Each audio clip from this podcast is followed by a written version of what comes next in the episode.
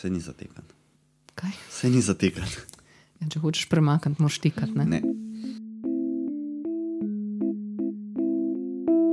Ni schizofrenija, ker se ne bojiš realnosti. I enjoy seeing worlds in conflict from Slovenija.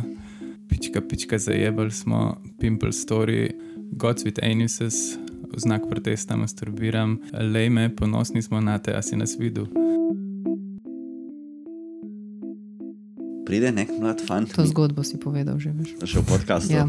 On je ni slišal, pa pač. Bom povedal pol. Prav. Ajde. Režemo ven. To se definitivno dogaja. No. No, in sicer kako je zdaj na loju, ful sem slišal, da je tudi nekih menjav. Ne? Pač mi smo imeli, mislim, da že starejšo generacijo. Ali pa ne vem. A to se je zgodilo? Ne. Um, Ne, ne, ne, ne, ni šans. um,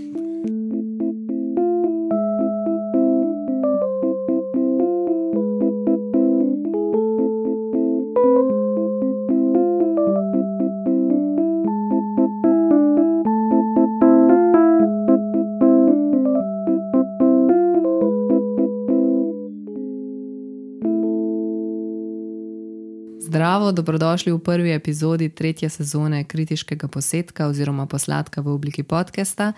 Danes z nama slikar Patrik Dvorščak. Pogovarjali se bomo o slikarstvu, o njegovih teorijah, o njegovih razstavah in o njegovi prihajajoči razstavi v Cankarjevem domu, zelo kmalo v torek. Eh, Z vami sva tudi Jrnej Čuča Gerbec in Maša Žekš, ukvarjava se z likovno kritiko, kuriranjem, pisanjem in umetniškim ustvarjanjem.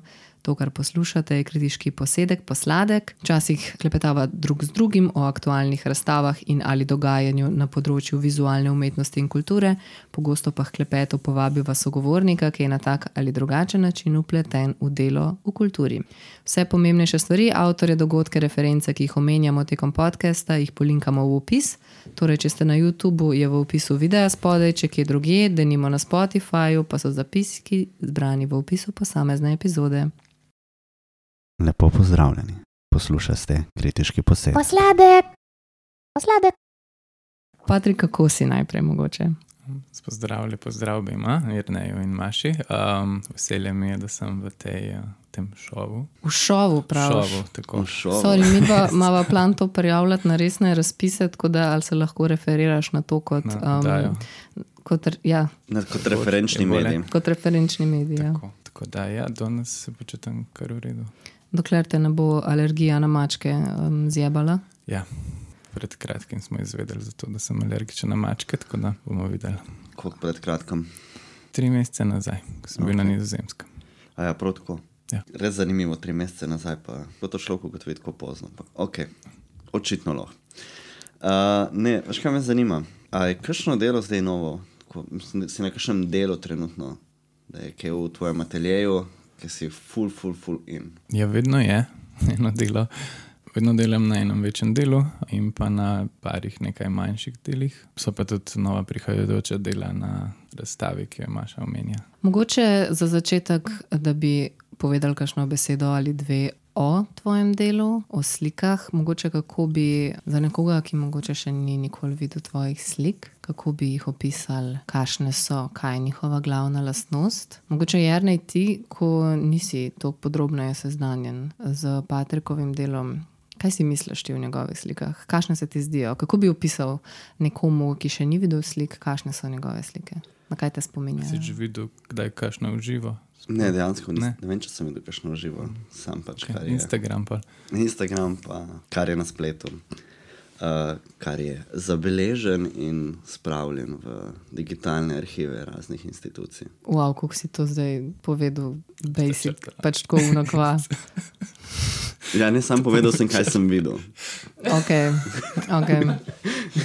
Videl sem dela, ki so zavedena v posameznih institucijah. Imaš že tečka. V bistvu sem se, ker sem šel še enkrat čez stvari, malo razmišljal, da um, v navezavi s tvojimi deli in z drugimi trenut, avtorji, ki se pač pojavljajo na slovenski sceni trenutno, sem opažen, da se je očitno na Aluoju zdaj zgodil en tak zanimiv obrat oziroma zanimiv, zanimiv usmeritev te neke naivne uh, umetnosti, tega, da se vračamo k temu, da vračamo. Ja, v bistvu zdaj se spet vračamo, zato ker pač v, umet, v nekem pogledu umetnostne zgodovine, se je, to, se je ta um, trend že enkrat zgodil, pa je pol mal zamrl, pa se zdaj spet vrača, vsaj pri nas v Sloveniji, kar vidim, da se uh, osvobodimo te neke zelo natančne figuralike in gremo v to bolj emocionalno figuraliko nekega, kako bi rekel, ja, emocionalno figuraliko čustvenega brava.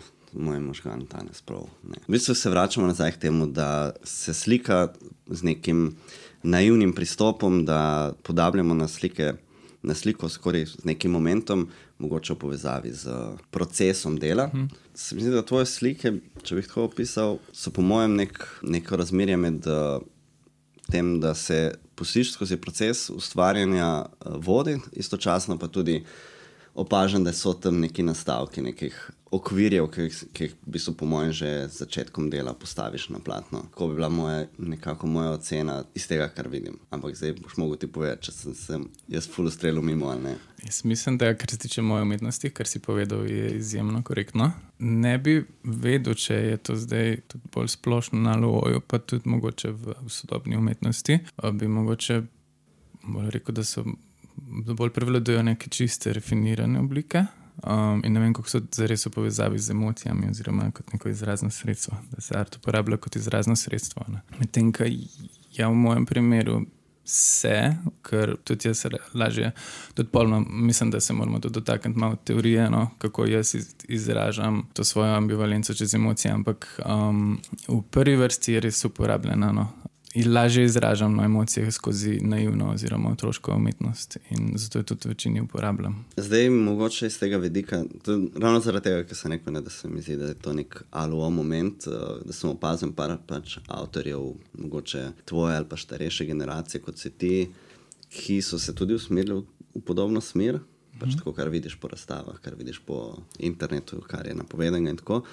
Okay, um, čakaj, sam mogoče na tej točki, kdo pa so še ti drugi ljudje, o katerih govoriš? Ne, ker sem tako, kdo pa, mislim, ker jaz nimam, jaz imam bolj občutek, imam mogoče bolj tak feeling, kot je rekel Patrik, da so bolj te. Ali je pač ta čisti treš, ali so pa te ja, ja, klin oblike? Ne. Ja, um, ampak tega treš oziroma naivnosti je kar dosti. No. Ok, torej ta genzi, pisan, fluorescenten treš enačiš s tem, o čem zdaj govorimo. Da se je bolj prisotno neko, neke emocije oziroma ta treš kot izrazno sredstvo. Jaz nisem čisto predeljena, kar se tega tiče, zato sprašujem Irneja, če ima on mogoče malo bolj izdelano mnenje, glede na to, da je začel s tem. Če ta treš in to naivno slikarstvo, o katerem govorimo zdaj, ko govorimo o Patriku, dajemo v isti koš. Kar smo zdaj označili kot treš, ni nujno treš. Ne, ampak, ja, ja, treš, mislim, tako ta treš estetika. No, ne ja, govorim, se, da je treš. Vse naivnost se naslanja na podoben ta treš estetiko. Gre se za to, da se malo osvobodiš teh strogih form, jasnih oblik ja. tega. Ja. In z tega vidika mislim, da je tle dost neka povezava. In, tako, in zdaj to, kar sem se sprašval. Ne, Tle je verjetno šla tudi neka usmeritev strani uh, mentorjev na Aloju, po mojem, da se je mogoče ali zaradi vidika mentorja, ker je bilo mentorju zanimivo, da se je usmerjalo slikarje ali zato, ker se je mogoče, ne vem, zaradi. Why are čas... you the way you are? Ja. Kdo je kriv? Okay. Kdo je kriv? Okay. Ja, zakaj si tako kot si? Oziroma, ali je mogoče res tudi ta nek uh, potisk strani mentorjev na Aluoju, da vas ali bodi si usmerja k temu, ker je mogoče stvar duh časa in generacije, ali pač to mogoče nek. Ker za poslušalce, ki mogoče Patrika ne poznamo, govorimo z predvsem mladim umetnikom trenutno. Tako da fresh from alu. Zelo mladim. Dve zelo, leti, zares. No, vse to je še kar fresh, a ni. Ja. Fresh ali um, samo zaposlen v kulturi, čestitke. V bistvu je zelo dobro vprašanje. Pa se v tem vprašanju sploh ne bi navezal na mentora, se mi zdi, da sem malo uporabil bolj za neke eksperimentacije. Um, Medtem, ko sem pa opazil, ja, da, da, v bistvu, da se že po mojem od srednje šole naprej v bistvu soočam z. z um, na, na, nekih, na neke emocije, ki so se pojavljale že po mojem puberteti, pa naprej čez aluo, um, ki jih mogoče tudi izkušajo posamezniki po svetu. In um, prvo izrazno sredstvo, bi rekel, oziroma gonilo za to, da se izražam skozi umetnost, mislim, da je bila anksioznost in pa pol, pol neko iskanje pomena, smisla. Ne? In pol sem v bistvu čez neke raziskovanje prišel do tega, da v bistvu. Um, je v bistvu neka korenina tega, prihaja skozi dualizem človeške psihe. Ne? Pa če se lahko zdaj mogoče tudi teorije dotaknem, če vam to ustreza. Vedno je bilo skozi samo refleksijo in pol čez teorijo sem tako bolj razumel um, dogajanje v človeku. lahko rečem. Kar povemo o tej teoriji, ker pač teorija je tako širok pojem. Kaj, kje so tisti tvoji omiljeni um, avtori, omiljene teorije, usmeritve? Wow, torej je zelo veliko, ampak ne vem, če bom omenil kaj še. Uh, je v bistvu prva razlaga, ki sem jo opazil, no, oziroma ta korenina našega izvora, je, je v bistvu um, to, da smo v bistvu ljudje bitja, ki um, smo deloma simbolična bitja, ne? in pa deloma tudi animalična, oziroma smo sestavljeni iz fizičnega telesa. Ne?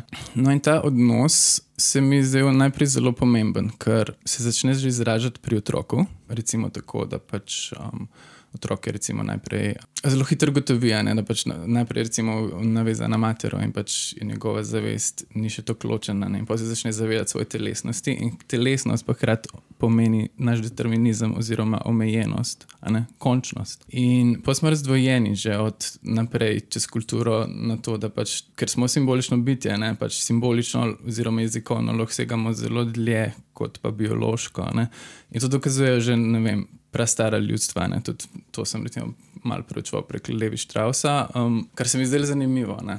Ja, in kar sem opazil, že ljudstva so imela zelo um, razmejeno to dojemanje. Pač recimo, kar so recimo naredili z živalmi, ne? pač vse okostje, ki so ga spravili, je bilo najprej tisto, kar je bilo podobno človeku okostje. So ga zavrgli, zato da so zanikali to isto realno podobnost med človekom. Medtem ko so spravili pač kosti, kot so recimo rogovi, pa um, ne vem, um, pač ti, kaj so že.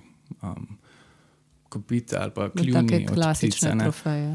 Ja, tako, ampak to je pa vse dokazovalo, da pač je potem človek ločena žival, oziroma to ne. Pač glih za to se gre, da pač človek ima vedno neko tendenco, potem, da zanika svojo živalskost. Tudi recimo, um, vem, uh, ženske, so, ki so imele menstruacijo, so morale recimo, um, za en teden pač v, rekel, v stran. Stran, tako pač niso smele ven na svet. Ali pa ne vem, ena ljudstva so tudi nosila um, čepke pač v, v a, svojih anusih. In... Torej, karkoli bi človeka povezovalo z nečim, kar žival tudi počne na dnevni bazi Tako. in kar se njej dogaja s telesom.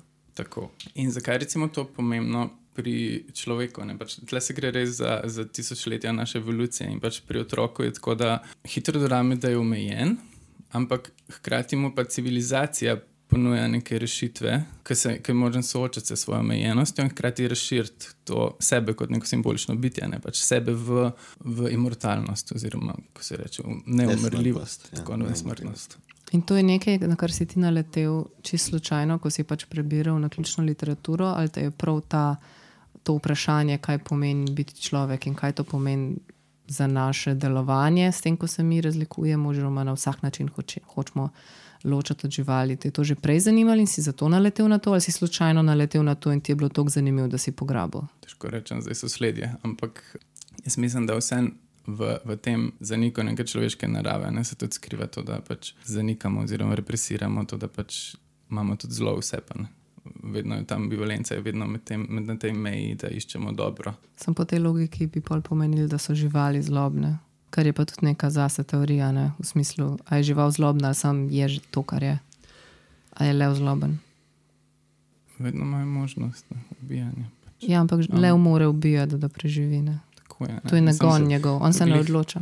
Mislim, to, je glih, to je glih ta nesrečnost človeškega bitja, ki imamo zavest in pač to, kar nas razlikuje od tega, da pač živimo samo neke instinkte. Oziroma, mislim, da se glih to je to, kar razlikuje človeka, ne? nekak, nekakšen paradoks, ker je rojen. Pač.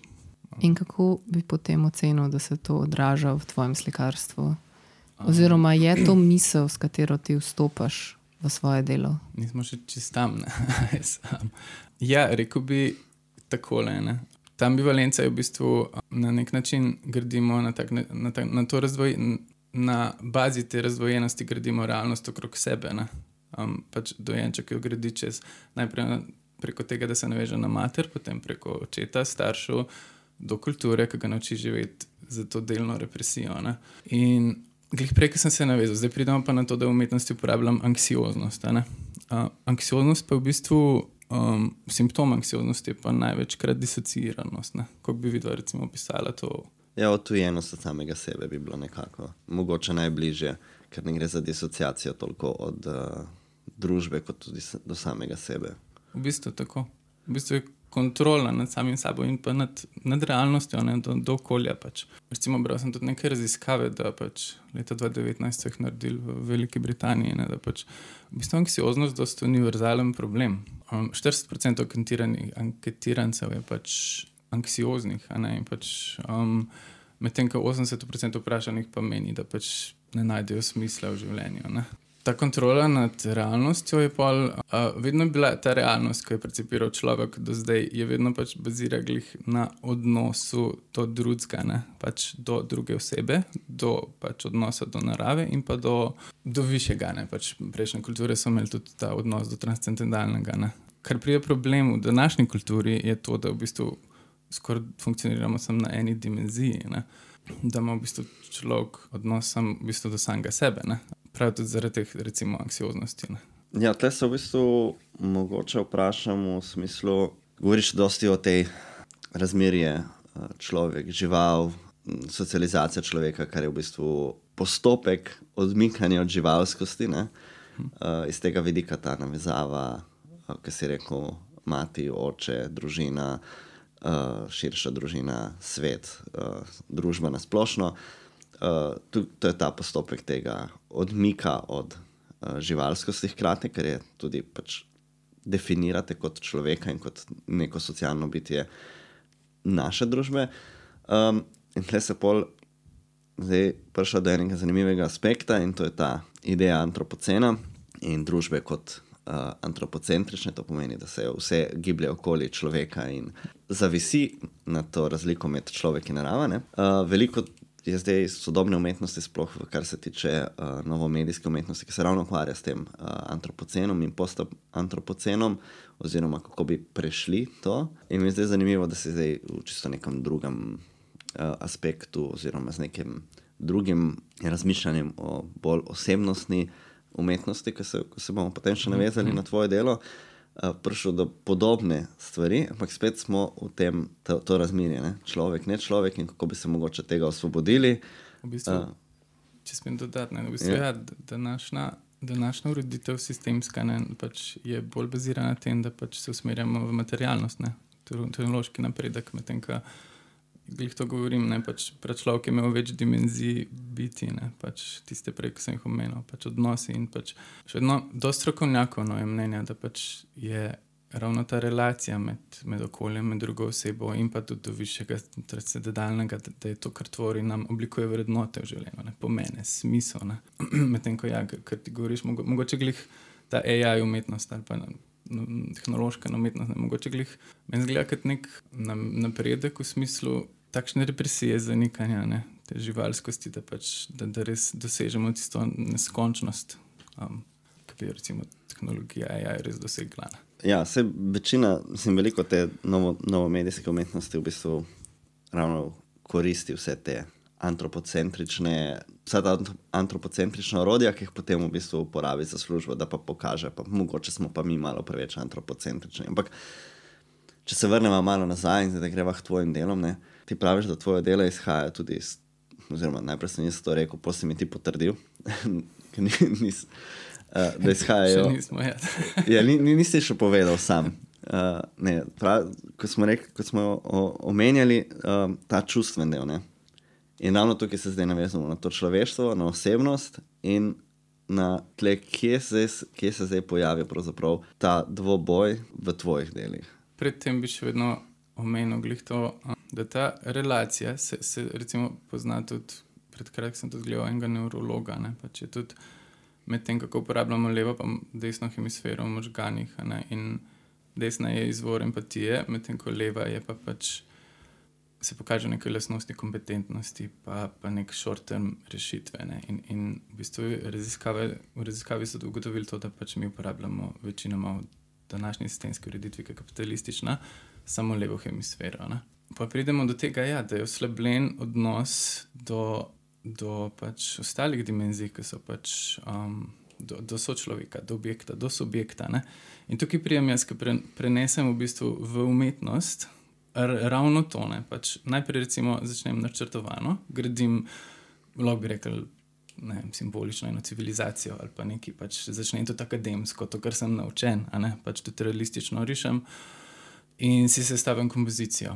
In potem grem pa, ne vem, mogoče če ste vidva, ampak po mojem to vsi otroci počnejo, ampak um, recimo, ko ste bila mehna v časopisu, ste kdaj čečkala po facah ali pa lučke vagine, karkoli. No in kar je zanimivo, ja, potem v bistvu prenesem to ambivalentnost, tudi kar se mi zdi, da se tiče mojega življenja in pa pač tega, kar sem prej govoril, prenesem pač dobesedno simbolično na sliko in potem grem sediščično čez, čez to neko civilizirano slikanje, kako bi rekel in jo destruktiram, neuravnovesim, um, oziroma, kako bi rekel, bolj um, sadistično se na njo pač malo znašam z nekim otroškim risanjem, z nekim humorjem, sarkazmom, tudi z nekimi svojimi no, pač lastnosti, ki so pač izrazno sredstvo. Je tudi, recimo, mislim, da recimo otrok pri prvih letih.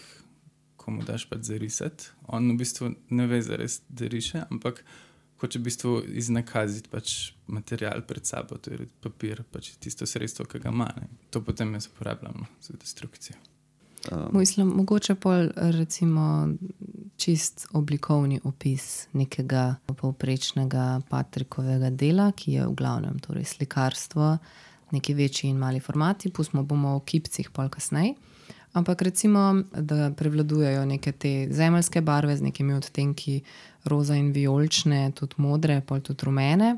Recimo, da je to neka um, prevladujoča barvna schema, kjer se sicer potem vidi, ne, da, v ozadju, da se v ozadju nahajajo neke ne, velike, mislim, večje figure, ki so, kot si rekel, naslikane realistično, zasenčene, pravilno proporcije, take stvari, potem pa so čez praktično prečečkano čez ne? in so besede, drugi liki, živali. Um, neki, ne vem, kaj je neka kolesa, neki tanki, neko. Simboli. Ja. Potem ja, lulčki, vagine, in tako naprej, ker na hitro zgleda, kot da bi čest naslikal otrok. Ne? Ampak potem, ko si rekel, da, v bistvu, da jo ven iz ravnovesja vržeš, ne? ampak kljub temu, kon, tvoja končna dela čistko kompozicijsko funkcionirajo uravnovešena na koncu. Čeprav so, kot praviš, uh, sadistično destrukturirana in razbita. Mogoče uh, to razmerje. A pa, a pa res funkcionirajo, ali smo smisel navajeni nekega kaosa, pa nam bolj to ustreza. To se doskrat vprašam. Ja, ne um, vem, zdaj po mojem pač... ima tudi vsak mal svoj okus, ko pogleda neko sliko, hmm. ne, a se mu zdi, da je neki off, pa da je pa na kakšen način mogoče gleda na to. Uravnoteženo kompozicijo, katero imam jaz, mogoče zdaj v mislih. A veš, recimo, ne, če, ko vidiš kakšno sliko, pa si rečeš, da tam, tam zgori pa nekaj manjka, ali pa recimo nekaj mi fali pri tej sliki, ali pa zdi se mi čist preveč nabutana, ali pa kaj tasga. Ne. Se mi zdi, da pri velikih tvojih delih je tako, da, da deluje uravnoteženo čist na prvi pogled, ne glede na to, kaj je spodaj bilo urejenega in potem čez uničenega z neredom mogoče je to tudi stvar, ki, je, ki si ti želiš, da se ne bi zgodila, pa se ti vsem dogaja, ker imaš mogoče tudi um, nekega tega slikarskega miljeja in znanja in izobrazbe, pa vsem, mogoče načrtno ven iz tega iti, ni tako lahko.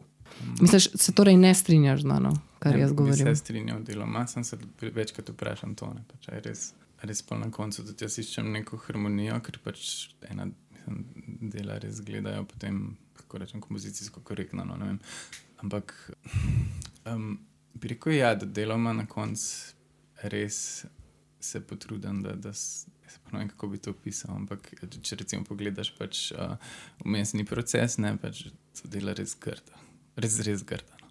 Um, in pol ja, skušam doseči nek nivo, ne, ampak kot hočem reči, ne mogoče pa se sam um, nek kaotičen nered trenutno ustreza pač človeški percepciji.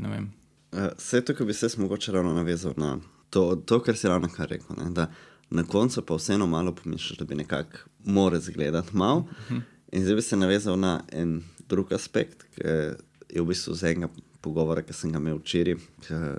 Je bil komentar, da je pač nek starejši slikar, pa mlajša slikarka, sta se pogovarjala o, o delu. Starejši je pač rekel, ne, da on slika zelo tako, slika na platno, zato ker to se prodaja, ti platna in to je to, in ima idejo, kako narediti stvari, da grejo v prodajo. In zdaj se tukaj vprašam, glede na to, da zdaj govoriš zelo o tem pristopu dela, ki izhaja iz tebe in neko zanimanje, hkrati si pa tudi slikar, ki se postavlja na trg. V kolikšni meri razmišljaš potem v bistvu o prodajni sposobnosti nekega dokončanega dela? Um, In koliko to vpliva v bistvu pri načrtovanju in tudi pri zaključevanju dela?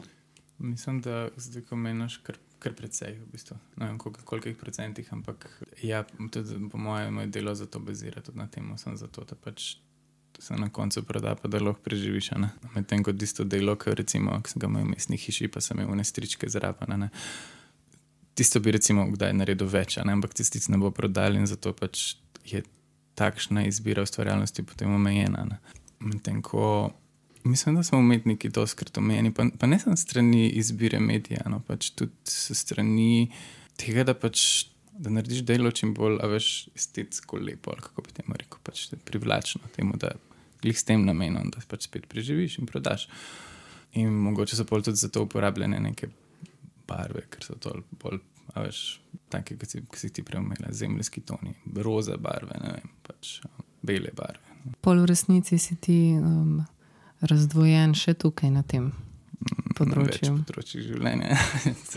Ne? Kako zdaj narediti, kako sadistično neuravnovešiti neko delo na podlagi razmišljanja in Ja. teorije, s katero se ukvarjaš, na način, da bo še zmeraj dovolj vizualno, konvencionalno, mogoče privlačno, da bi jo mogoče pa vsem kdo kupil, še posebej, če gre za kakšno večje platno, ki pač predstavlja nek uh, konkretnejši zaslužek.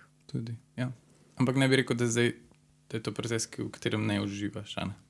Um, da so to samo neke kompromise, ki po mojem spremlja- ki po mojem sprejme vsak umetnik. ne. Ja, se po mojem, ti, če bi hotel samo ne vem, nek komišen delati, bi ga tudi komot lahko, ne glede na to, da veš, koliko veliko slikarjev ali pa splošno Naročilo, umetnikov misliš? po naročilu dela um, kakšne portrete, kakšne zadeve, ker enostavno uh, imajo ta skill, ne, da recimo naredijo kakšen realistični portret ali pa karkoli, medtem ko jih osebno v svoji lastni praksi zanima neka čist tretja stvar. Res je. V bistvu sem tudi v zadnjem času dobil eno par naročil. Sem videl, da, da tudi to, da to malo ubija kreativnost. Že zaradi tega, ker hoče v bistvu tvoj stil, ne? ampak še vedno si pa zamišljajo neke barve. ali Pa, kaj bi imel, pa ti tudi reče, jaz bi pa malo bolj, ne vem, roza barve imel gor. ali Pa, ne, vem. A to se je zgodilo? ne. Um, Ne, ne, ne, ne, ni šans. ne vem, v bistvu sem videl, da pač vsaka tvoja poteza je pol nekako zamejena s tem, da pač, bo to njemu všeč ali ne. Pač avtomatsko začneš spraševati, pač, da bo to njemu ugajalo, ker se mi zdi popolnoma napačno. ne. Pač, za sprobati je bilo, ampak naročila so omejena na bližnje prijatelje. Kaj pa glede te teorije, o kateri si prej malo razlagal, zakaj se ti zdi, da je, zakaj se ti zdi to tako pomemben v smislu, da bi prej kot o svojem delu, pa načinu, kako delaš, da bi najprej, kot je bilo zdaj tukaj situacija, da hočeš najprej to teorijo razložiti, oziroma da moraš preden o čemer koli drugim začneš govoriti, da moraš najprej o tej teoriji razlagati. Ker vseeno ljudje, ko vidijo tvoje dela, najprej vidijo sliko. Najprej vidijo sliko, pol verjetno googlajo, vidijo tvojo faco, potem mogoče kaj preberejo. In je v bistvu nekemu uh, povprečnemu konzumerju umetnosti ta teorija nekoliko oddaljena, še posebej, če gre za neko tako specifično povezano z dojenčki. To, ne. to ni nekaj, kar bi človek iz eh, slike takoj videl. Ne. Zakaj se ti zdi, da je to pomembno in zakaj Um, tokrat govoriš o tem?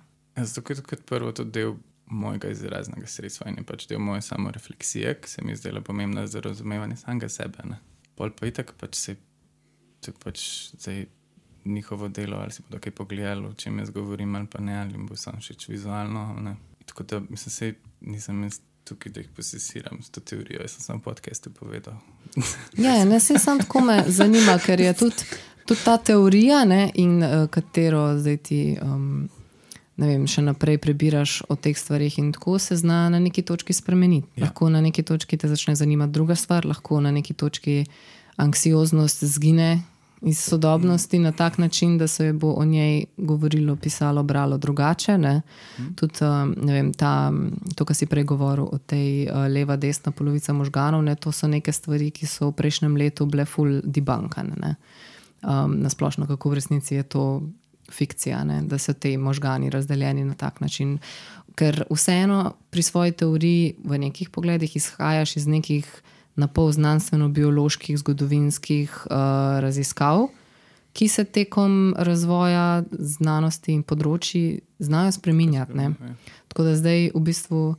Um, seveda, um, se ti nisi zdaj uh, znanstvenik, da bi ne, ti pač izhajaš iz neke ideje, iz nečesa, kar te zanima, kar sam doživljaš.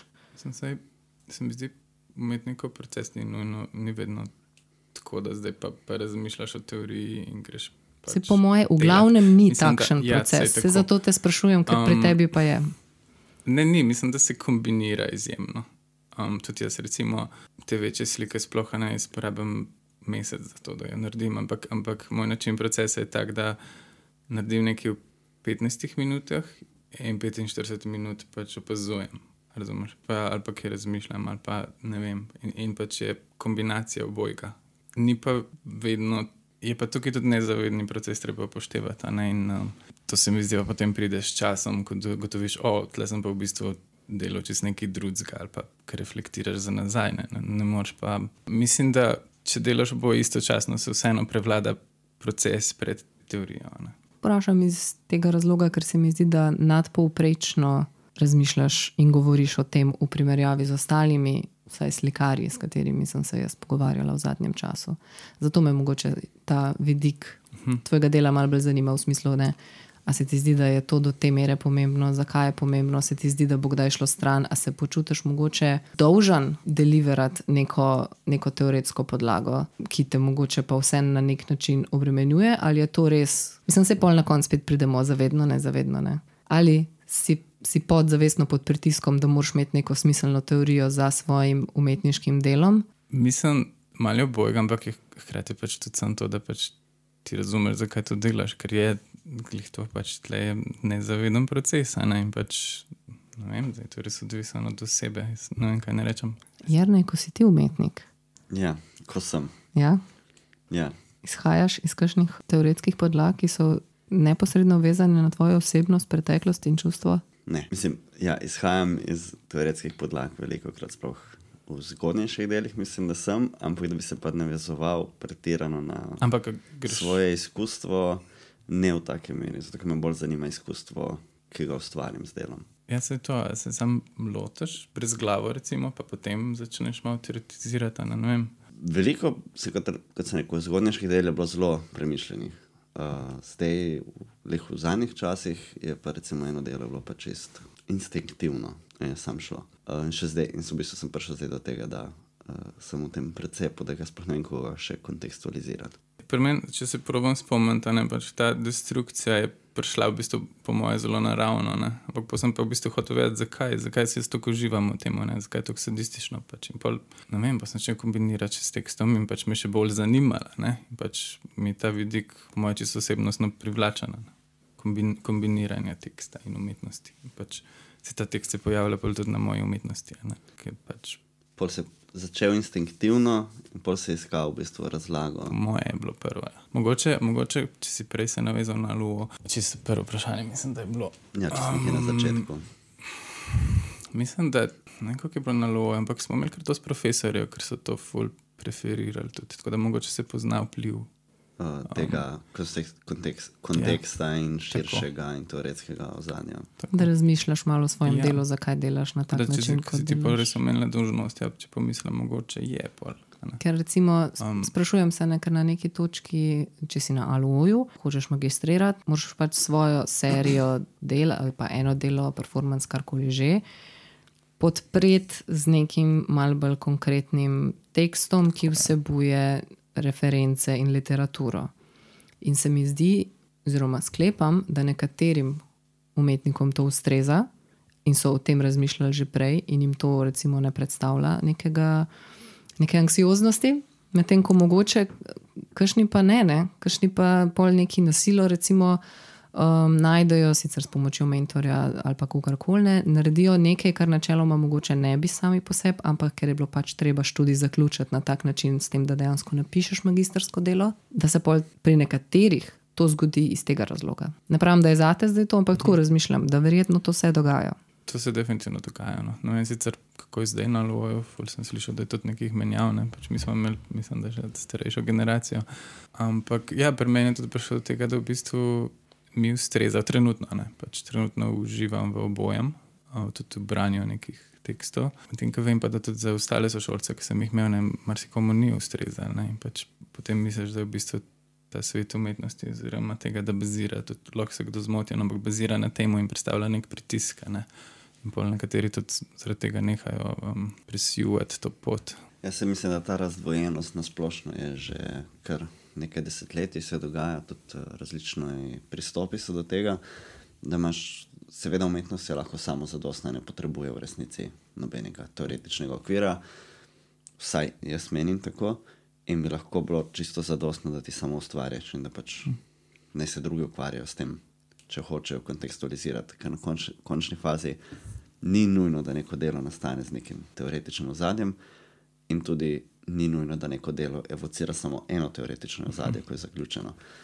Um, je, se mi pa ne zdi nič narobe, da se dela lotiš uh, tudi racionalno, no. se smo konec koncev racionalna bitja. pa pridemo tudi do tega, da pač mogoče v kakšni meri se umetnik vpraša, a se sploh vpraša, ne, pač na kakšen način bo gledalec percipiral njegovo umetnost. ne. Kako jo bo dojel, pač, da je to tvoja dolžnost, umetnikova. Um, Razen če prodajaš, ne pol se moraš.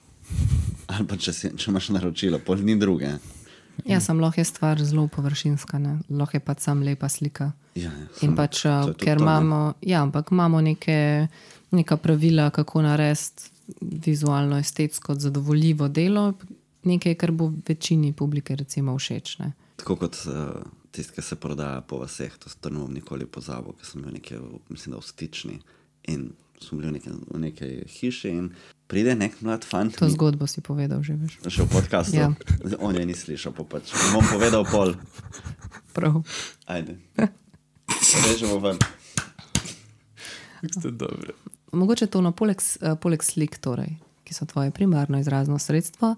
Zdaj uh, so se zadnje čase pojavili uh, na parih razstavah te tvoje kipci. Mogoče malo več o teh kipcih, če poveš, kaj so te kipci, iz česa so, zakaj so. In med drugim, da en vsaj vem, da se je prodal. A, ja, res sem prodal dobre vage. Jaz si ga ti hotel kupiti. Se mi zdi, da kar se kiparstva tiče, je vsaj iz tvojega vidi- vidika trenutno glavni problem potem skladiščenje tega. Hm. Tako da je v bistvu bolj, da jih kar prodaš, razen če jih misliš za kakšno razstavo ponuditi. Kipci so bili tako en stranski produkt nekih razpisov, ker sem hotel v bistvu prijeti eno instalacijo, kateri ne bom zares govoril, ker pač, če se zgodi, boste videli ali pa ne. no. To, kar ste mogoče kdorkoli bil pač v mestni hiši, kar ste videli, je, je bila v bistvu neka manjša verzija tega, kar sem hotel. In je, je bila v bistvu samo neka proba, bom rekel, pač, a, a te stvari delujejo. Ne?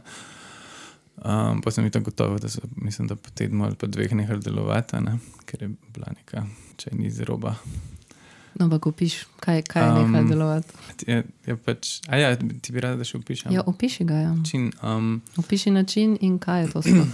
ja, ti strički so bili tako, mislim, da je 30-40 centi vi- višine. Ne? Torej, šlo je za stričke. Um, ja, za stričke, za neke um, robotke ali kaj pač, ki sem jih um, naredil iz papirja, še je pač spodaj je bila pač igračka povezana v elektriko, ki so se pač premikali. In, um, in vsak od teh stričkov ima gor pač eno, en obraz uh, najbolj bogatejših ljudi tega sveta. ne. Um, pa sem v bistvu čistko taka naivna, sadistična fora je bila, pač, da sem jim narisal pač malo lučke, pa tam so se drli, pa jokale, ne, ker te igračke so pač imele zvok. In so se sprehajali po mestni hiši. No. In mislim, da je bil tak en, neko dopolnilo tudi moje umetnosti, ki je na slikah. Ampak čist prva antropomorfna stilizirana figurica je bil pa v resnici avtoportret. Ne? To je bilo pa v Lali, Mhm. Ker Ker sem je- pa prosil za denar. kjer je v bistvu imela košarico pritrjena, ta figurica od spredaj, v katero naj bi torej, obiskovalci um, metal drobiš. Tako. Mislim, da sem zaslužil 80 ali 90 evrov. Ja? Redno. Tako, da v bistvu, Razstavnina, ki takrat nisem dobil. tako da v bistvu le bi mogel to košarico tudi na une tam prtariditi. 80 evrov razstavljanje bi bilo žalostno. Yes, A boljš kanač. Ja, mislim, ponovadi je na mislim, nekaterih galerijah tudi ne dobiš. A zračunamo, koliko je- koliko je razstav bi človek mogel imeti, zato da zasluži za minimalca Točno na to. mesec. Točno to. Počtejemo stroške. Taka je bila po- potem v dobri vagi na um, božičnem sejmu, je pa čigava faca blagor. Da se zdaj ne spomnim. Pa je Mislim, da je bil še- Musk, Elon. Aha, Elon, ja, ja, ja, Elon Musk je bil. Ja. Ja, to je bilo pa čisto Pa za bil foro. je še sem- malo ukrašen, imel je neko kapco. Ja, božično. ja, tako. tako, Bil je ja. tako na mestu božičnega drevesca, če bi kdo hotel imeti tam Elon Muska. Ga je pa kupil, kaj Lin- Lingertman Lin ga je je kupil. kupil. So, so bili ljudje, ki so hoteli že prej na razstavo in, in so vedeli, da se bo tam prodajalo za 3 evre. Ja, smešno nizka dobili. cena. Mhm. Uh, mogoče vsaj do neke mere um, pametno slediti temu kipsu. Ne? To smo se pogovarjali že o tej sledi, sledljivosti umetniških del, hm. torej da se um, da si, da kot avtor, vsaj če ne drug, ker nimaš nobenega drugega, da bi to delal za tebe, da vodiš evidenco, kdo kupuje tvoja dela, ne? če ne drugega za. Uh, retrospektivo čez 50 let, da veš, koga poklicati za svoja najnovejša dela. V prejšnjih letih si imel kar nekaj razstav, mogoče kakšno posebej, če ti je ostala v spominu. Smo že govorili o tej le v mestni hiši, to je bil ta torej, desni atri. Tukaj, recimo, se mi zdi zelo zanimivo, to je tak prostor, ki s- ga občina Ljubljana daje tudi eh, za slikarske razstave, ne, čeprav morajo pol te slike v resnici na laksih, pa to viseti. Kakšna je bila tvoja izkušnja v tem prostoru? No? Bolj tako, da za prostor me zanima, ker je bolj tak nekonvencionalen. Ja, v bistvu je izjemno lep prostor in pač se mi zdi, moje umetnine so, tam je pa kar dosti tako nekih tehničnih težav, ko bi rekel, zaradi tega, ker je izjemna vlaga not. Um, in slike niso zavarovane proti temu, so proti direktni mokroti, ne pa proti vlagi. Tako um, si up- upal, da bi, da bi ti kdo kaj ukradel v resnici. Ne? Ja, um, pa ne. ne. Um, ampak ja, pol so se recimo, če imaš kakšne vire iz Iverke ali pa kaj, so se meni napihali. Uh -huh. um, sem pol to si za reklamacijo iz IKEA, ampak um, Aha, ja, za printe pa to, kar si jih imel v okvirih. Ja. um, se mi zdi pa, da tudi ta prostor najbolj primeren za razstavljanje v mogoče poletnem času. Ampak vsi ostali časi so pa, Razen, ko ful ščije, takrat Tako. tudi ni primeren. Ne? to je tako mene štiri mesece v letu, ampak vse skupaj pač ne priporočam, no, oziroma priporočam kdorkoli bi tam razstavljal, da pač razstavi nekaj, kar je odporno. Ja, za kakšne instalacije ekipe to, kar gre. Bi. ja. Vodoodporne slike, vodoodporni kipci, vodoodporne instalacije, to vse gre. Tako. Sicer uh, velike okvirje, ker so malo bolj kvalitetni, so bili odporni za un bogi en mesec, ampak se mi zdi, če bi bili tam več mesecev, da to ne bi. Ma tudi za slike ne more biti toliko najboljš.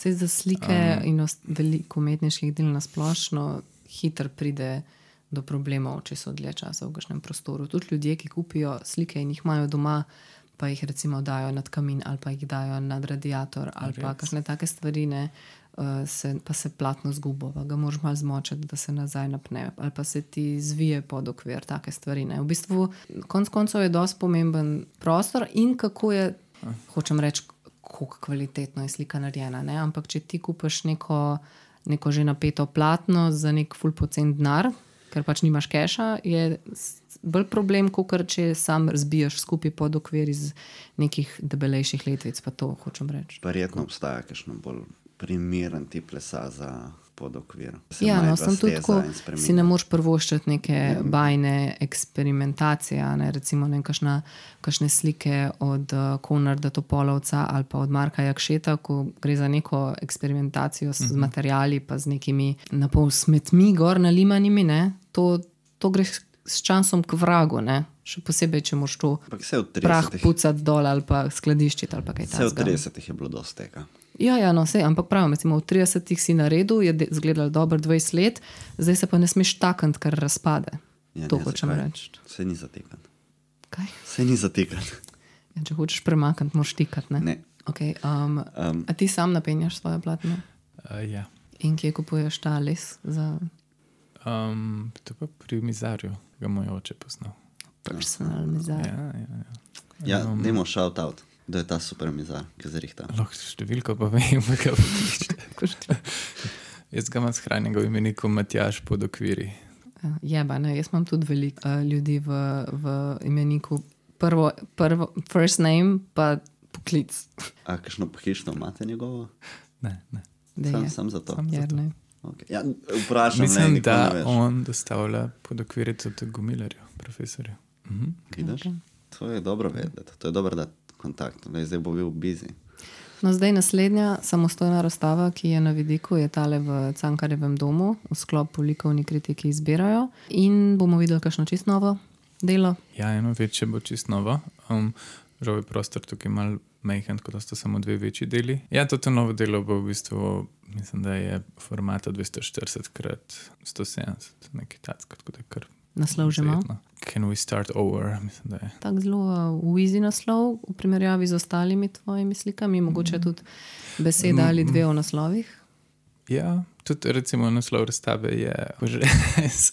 Um, še nikoli nisem sanjal, da bi jedel lačen. ne. Zelo velikrat dam kakšne malo humoristične, ali pa malo dvoumne. ne. Tla recimo je ta dvoumnost tega, da pač kaj pomeni za res, če ješ v sanjah. Pač mislim, da interpretacija tega, da pač si sit oziroma da imaš nek fulfillment. ne. Um, Medtem ko pač to, da si lačen, lahko interpretiramo, da pač si, da, da nimaš neke zadovoljitve ne, v življenju. Ne vem, sicer v katerem aspektu življenja, ampak naslovi so taki, no, da se igrajo s to dvoumnostjo, medtem ko lahko pač pomeni tudi samo nekaj dobesednega. Ne, pač, da se res, v bistvu, nikoli nisem, nisem sanjal, da sem lačen in evo, to je naslov.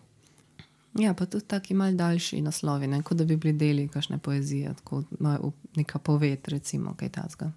Ne, ne, ne vem, kako bi interpretiral to, da so daljši.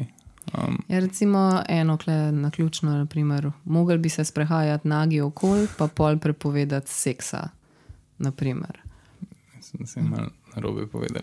Prebrala sem iz tvojega Instagrama, tako da če imaš na robe gor napisan. okay. Ja, tudi to. Ne vem, doskrat se mi zdi, da Ali pa pač, se lavi pičke. včasih so sem kakšni odklonilni, no, um, ampak probam si jih itek um, med ustvarjanjem si jih zapišem, če mi pade kakšna misel. Ne. Um, čim manj časa si probam vzeti no, uh, za to, oziroma imam tako ful moment spisek, lahko vam preberem na telefonu. Je fulejnih naslovov. U, tako ja. da, Jaz predlagam, da prebereš, da gre potem v dodatke.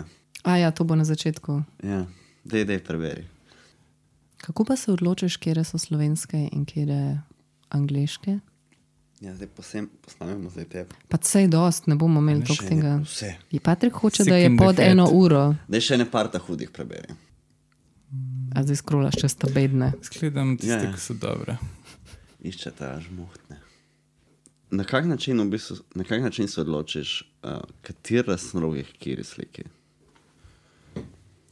Se je rekel, ko se mu utrne zdi- med procesom. Ja, ampak glede na Maybe, to, da ampak- sez, da imaš seznam, pol čas. Včasih se mi zdi, da vsi malo pašejo, ker se pač, ne vem, tako procesiram nek podoben proces, um, oziroma kombinacijo enega teksta. In pač doskrat sam jih večina paše na eno sliko. No. Pol ni, da izhajajo iz slike. Ne, ne bi rekel. E, nekateri ja, ta recimo znak protesta, masturbiram, ki zdaj delam, pa ni še noben videl, pač tudi izhaja iz kompozicije, ki nakazuje to, ampak ja. Pa sperma je čez celo sliko. ne pa ni, nikoli, pa nisi videl. Očitno se ti je to že učitelj, da si bil zdaj tako. To bo na stara leta, ko bo loh. Ko bo lahko, kaj. Ja, ko bo smel. Aha. Kaj? Ne smejo biti prestara leta, polje že problem. Ja, ko bo full znam, bo vse ok. To boste dala v čist začetek, da se bo sam. Sem nizan. Ja, sem To tako, to sem tako sperma, Ne, ne, ne. Musk. Um, ja. uh, kaj pa si imel v tej nočni izložbi pešak? Si imel si tudi pa ti šla zdaj to? Maša zdaj za, za Ja, kaj hočeš reči, da se ne spomniš, To kaj si tam 2018, razstavljal? Sem to 2018. Ja, in? Vem, To je pred bilo- korono. A ja, ne obstaja svet pred Ja, korono. ne, ne. Ne, vse mislim, da smo kar dosto. Bila je v bistvu eni ostanki iz diplomske naloge, ko Mhm. sem delal figure tako v človeški velikosti. Ampak tam mi tak, ne vem, nek poseben plac, tako da sem Ja. ja. sam malo zrukal v, v tisti mehen prostor in pač izgledalo ok. In imam dosti zapovedati. Mogoče reči še zadnja stvar, ki smo prej omenjali tisto instalacijo, pa premikajoče kipce, pa zdaj govorimo o pešakih. Pa glede na to, da si primarno slikar in da zdaj razmišljaš, da te kipce še vedno ostajajo nekje v razmišljanju o nekem potencialnem delu, neko instalacijo si omenjal. A imaš ti željo potem, da bi šel ven iz tega slikarskega in razširil svoj način dela, ali je to samo neki eksperimentalna faza, da vidiš, kako je? Vedno razmišljam, da bi razširil. Je bila nekako vedno želja, da, da vplivam na gledalca. Um, z mojimi deli. In pač zato je tudi na, način, zakaj uporabljam monumentalna platna, ker se mi zdi, da malo bolj zaobjamejo ne, pač, um, tistega, ki je pred umetnino. Medtem, ko se mi zdi, da instalacije to še bolj potencirajo, ker pač uporabljajo tudi gibanje gledalca, pa ga lahko usmerjaš. Pa, vem, ampak trenutno niti nimam ateljeja, kjer bi lahko to delal, niti nimam skladišča, kamor bi to lahko dajal. Tiste iz vem, figure, ki so bile človeške velikosti, ima fotor doma in pač je pol to problem. Torej, bivajo v ribnici. Ja, tako. Tako da je nekaj, kar recimo zapisujem si stalno zraven, skicirko, pa kaj bi lahko naredil, ne? Ni pa zares, da bi realiziral, oziroma mogoče pa v prihodnosti prišla priložnost, trenutno pa ne. Ja, instalacije so kar problematične z vidika, da je skoraj da treba kdaj postavljati in situ. In je težko to prednarediti za res v nekem prostoru, če, razen če res nimaš pač ogromnega teljeja. Ali imaš še kakšno posebno vprašanje? Ja, še sem- kakšen tak deep dive in Ne, jaz sem hotela- early life. Zdaj, ko ima po novem ima Patrik svojo spletno stran, kjer ima no, Promoviri se. No. no, čak, Ne, čak, ne? na, To čak ni- najprej. Kdo povejte, kar je navada. Čak ne vem. najprej vprašanje imam jaz, ker zdaj gledam ta CV, ne, ki je naveden. Jaz ti priporočam, da ločeš to med uh, samostojne in skupinske. Nima veze. Jih je kar nekaj, ko so tako v tujini, a ne? Armenija, Berlin. To so neke skupinske razstave, ki so del tvoje požrtvovalnosti, da aktivno pišeš tujim galerijam, ali so to kakšne uh, naše domače stvari, ki so pa samo gostovale nekje, ki ne poznam. To se v bistvu, ne vem, doskrat malo pregledujem te um, spletne strani z razpisi, so Curator Space, Curator Space pa Art Rabbit. Ne, vem, nisem ziher. Potem kakšne Facebook skupine, pa kaj, pa potem malo gledam rezidence, pa kakšne open calls. No. Pa to je bil večinoma prejšnji del mojega razmišljanja, no, zdaj to delam vse manj, ker vidim, da ti open callsi pač niso zares poglavitni. No. Dosti se ukvarjam s tem, kako umetnik sploh lahko pride iz Slovenije v tujino. ne. Um, razen če ne greš študirati in pač zaenkrat tega odgovora nimam, ampak zdi se mi, da z razpisi ne. No, ampak do neke mere ja, ne, če so se te razstave zgodile. Ja, se, se zgodijo, ne, ampak ni pa tudi problem tega, da pač v večjih formatih zares ne moreš tja poslati, ker nobena galerija ti no tega plačala. Um, pol pa še v digitalnem printu, tega pa pač. To pa Pa in ne. kdo bo to opazil. Dosti je pa tudi teh razpisov, ne, ker pač sam pobirajo denar. Ne. Ko imamo pri nas recimo tudi EMI International. V kakšnem smislu, ko sem pobirala denar? Ja, ker se pač rabiš, ne vem, za razpis dati recimo, ne vem, par sto evrov, ne? ali pa si plačati pol prostor za A ja, da, 500, da 800 ponujajo evrov. nekaj in pol si moraš ti plačati svoj uh, entry. V bistvu. Ja, Aha, ampak okay. niti nimajo nekih konekcij z nobenim, sem Sem pač da, črtico dobiš. Ja. Okay, kaj pa kakšne prihajajoče razstave v tem letu, poleg te v Cankarju? še dve samostojni potem za tem. Ena bo v Generali, maja, mislim, da maja. Aha, tukaj na Dunajski. Druga, ja. Uh -huh. druga bo pa v bistvu na podlagi te nagrade, ki sem jo lano, lani dobil od Primavere. Samostojna razstava v Mariboru, v- mislim, da v Medijanu, z galerije. Uh -huh. Pa pa ne vem, pridejo kakšne skupinske vmes. Mislim, da bom zdaj imel tudi, v, mislim, da bo v aprilu v Y Gallery neka skupinska za mlade. Po mojem, maja, ne? Tudi, maja, ko bo Ljubljana Art Weekend. uh -huh, okay. S tem povezan, po mojem. Hiter konc, konc, konc, da bomo pod eno uro. Super, hvala.